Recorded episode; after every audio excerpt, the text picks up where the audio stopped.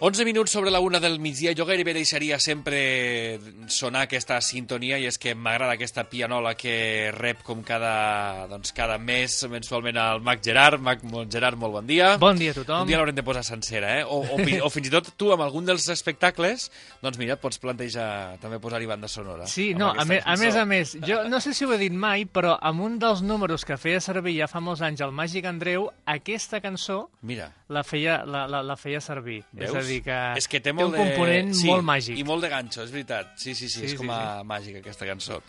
Uh, com també és màgica aquesta secció que, com uh, dèiem, doncs, mensualment fem els dimecres a la darrera hora del matí de Tarragona Ràdio amb el mag Gerard.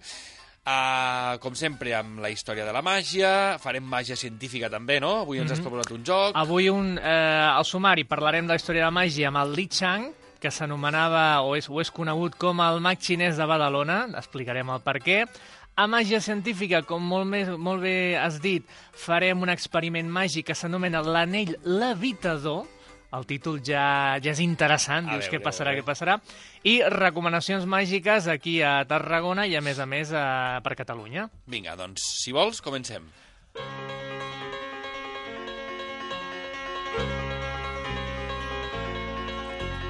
Comencem amb la història de la màgia. Avui parlem del Joan Forns i Jordana, que va néixer a Badalona el 9 d'abril del 1916, més conegut com el nom artístic de Li Chang.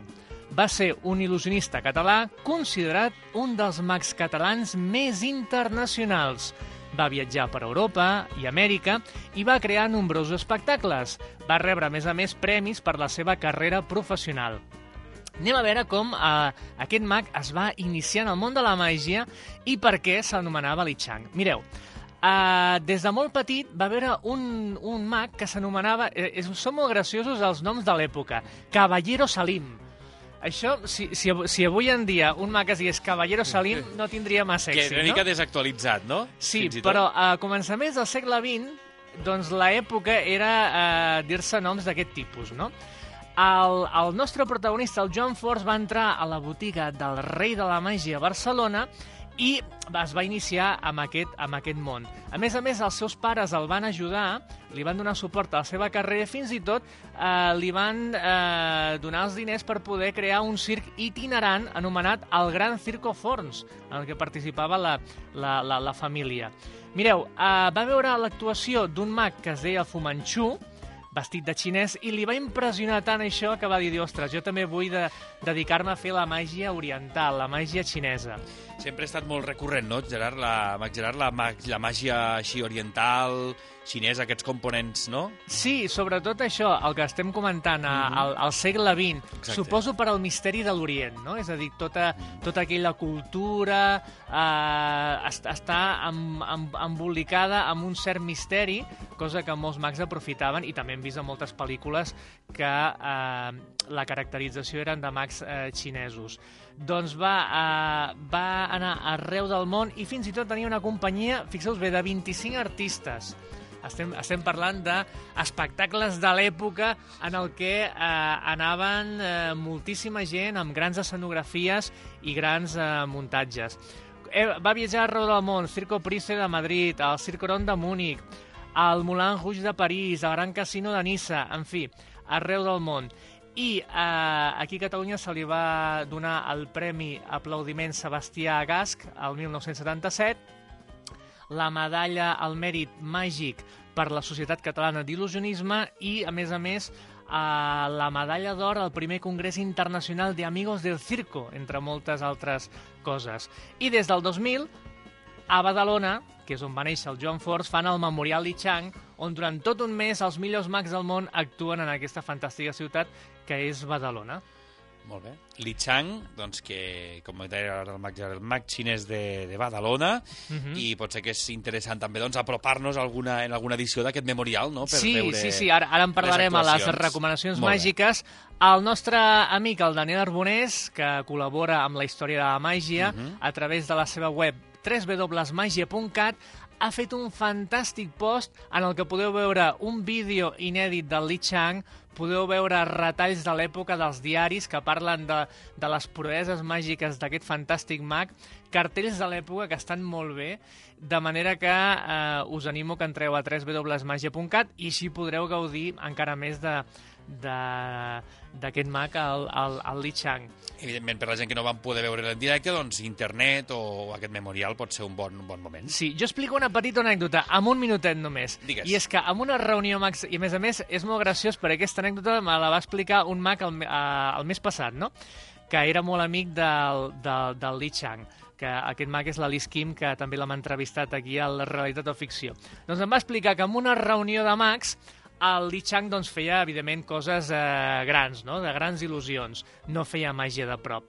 Però un dia es va animar a fer un joc de màgia i va deixar a tot un grup de mags, imagineu-vos a, als anys 60-70, la crem de la crem dels mags de Barcelona, els va deixar flipats amb el següent efecte.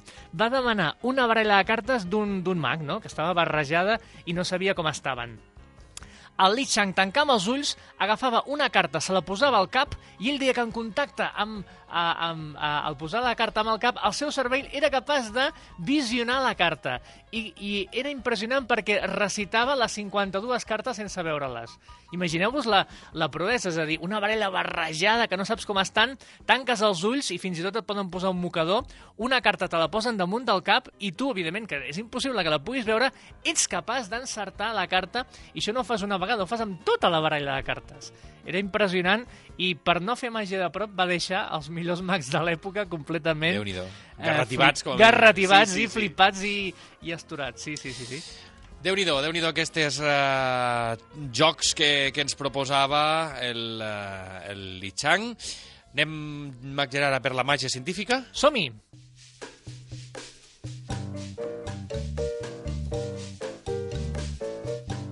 Avui explicarem un efecte que s'anomena l'anell levitador.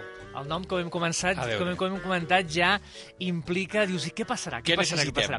Mireu, heu de retallar la boca d'una bossa de plàstic i tindrem un anell de plàstic, sí? Després el que farem és fregar aquest anell durant uns 45 segons amb un, amb un drap de cotó. Mhm. A continuació infla, inflarem un globus i també el fregarem uns 45 segons amb el drap de cotó llançarem a l'aire l'anell de plàstic i situem el globus a sota a uns 20 centímetres i eh, pro, eh, gràcies a la a, a, com que estan carregats elèctri, elèctricament amb el mateix signe, quan s'acosten es repel·leixen, creant l'efecte de la levitació.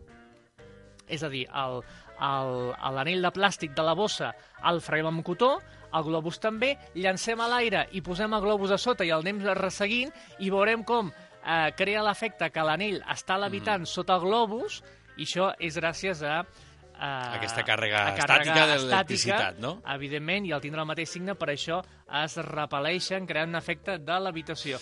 És molt senzill, però podem estar amb, amb, amb, amb nens petits i no tan petits tota una tarda fent aquest experiment i, i passant una bona estona amb objectes que tenim a casa, no? Un globus, una bossa de plàstic a la que li retallaríem la boca, un, la fregaríem... Un, drap, un drap de, un drap de, de cotó, cotó i, i, i ja tindríem la fantàstic i meravellós il·lustre i ponderat anell levitador. Anell, molt bé, m'ha agradat, eh, això, de il·lustre i ponderat, anell levitador, fantàstic i meravellós, il·lustre i ponderat, m'ho apunto. Mac Gerard, anem a per les recomanacions màgiques, vinga.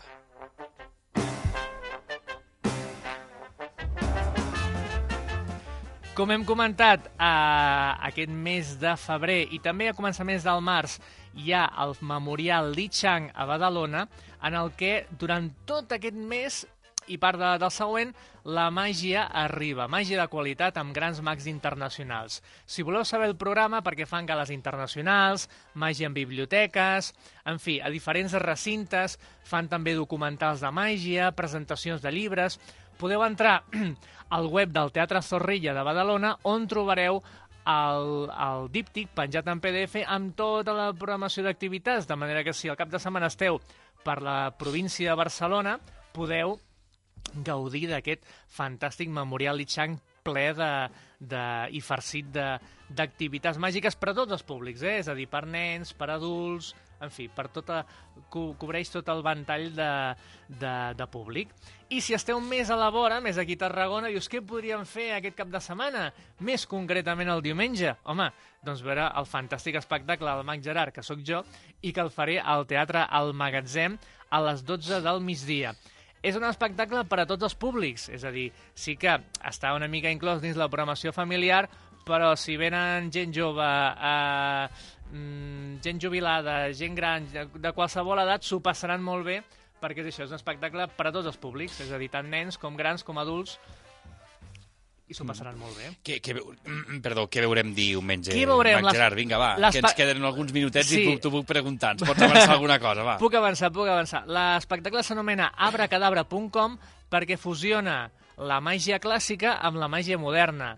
Faré màgia amb els emoticons del WhatsApp, una cosa, una cosa nova que encara... Els emoji, no? Sí, que, Emoji, com que, li que, diguin. que, que, encara, que encara no, no he estrenat i us presentaré per primer cop al, al magatzem. Faré màgia amb telèfons mòbils, uh, hi haurà efectes especials també, hi haurà una mica de mentalisme, molta màgia còmica, la gent s'ho passarà molt bé i, a més a més, màgia molt visual, d'aquesta que entra pels ulls i dius, uala, com, com, com, com ho ha fet. Doncs uh, el, aquest diumenge a les 12 del migdia al Teatre del Magatzem. Les entrades es poden comprar una hora abans de l'espectacle o també entre setmana a la tarda eh, de, de 6 a 8 a la cooperativa obrera tarraconense poden anar i comprar la, les entrades d'un espectacle per a tota la família. Espectacle per a tots els públics, diumenge a les 12, eh, amb el mag Gerard. Uh, hi haurà la, la icona aquella de la, de la flamenca? O no? Les, No. Aquesta no la tenim. Té, té una mica de glamour l'espectacle. Sí, ho, ho, diu, això ho, diu, ho dic perquè si no es Vale, quedaria una vale. miqueta, anava a dir xoni, però no ho No, diré. no, no, és veritat, és veritat. És a dir, que no, hi, hi haurà altres, altre, Altres al, icones, al, altre, al, altres- altres coses. Hem de dir que el divendres, aquí a Tarragona Ràdio, eh, sortejaran algunes invitacions per veure aquest espectacle. És a dir, que la Mira. gent que estigui a la White i Doncs el- a partir el- de la el- una del migdia, divendres, Mhm. atenció a la ràdio perquè sortejarem, ja saben que repassem la programació del magatzem i per tant sortejarem aquestes entrades. Fantàstic i meravellós, il·lustre i ponderat Mag Gerard. Fins la propera. Ens veiem la propera. Que Adéu-siau. vagi molt bé.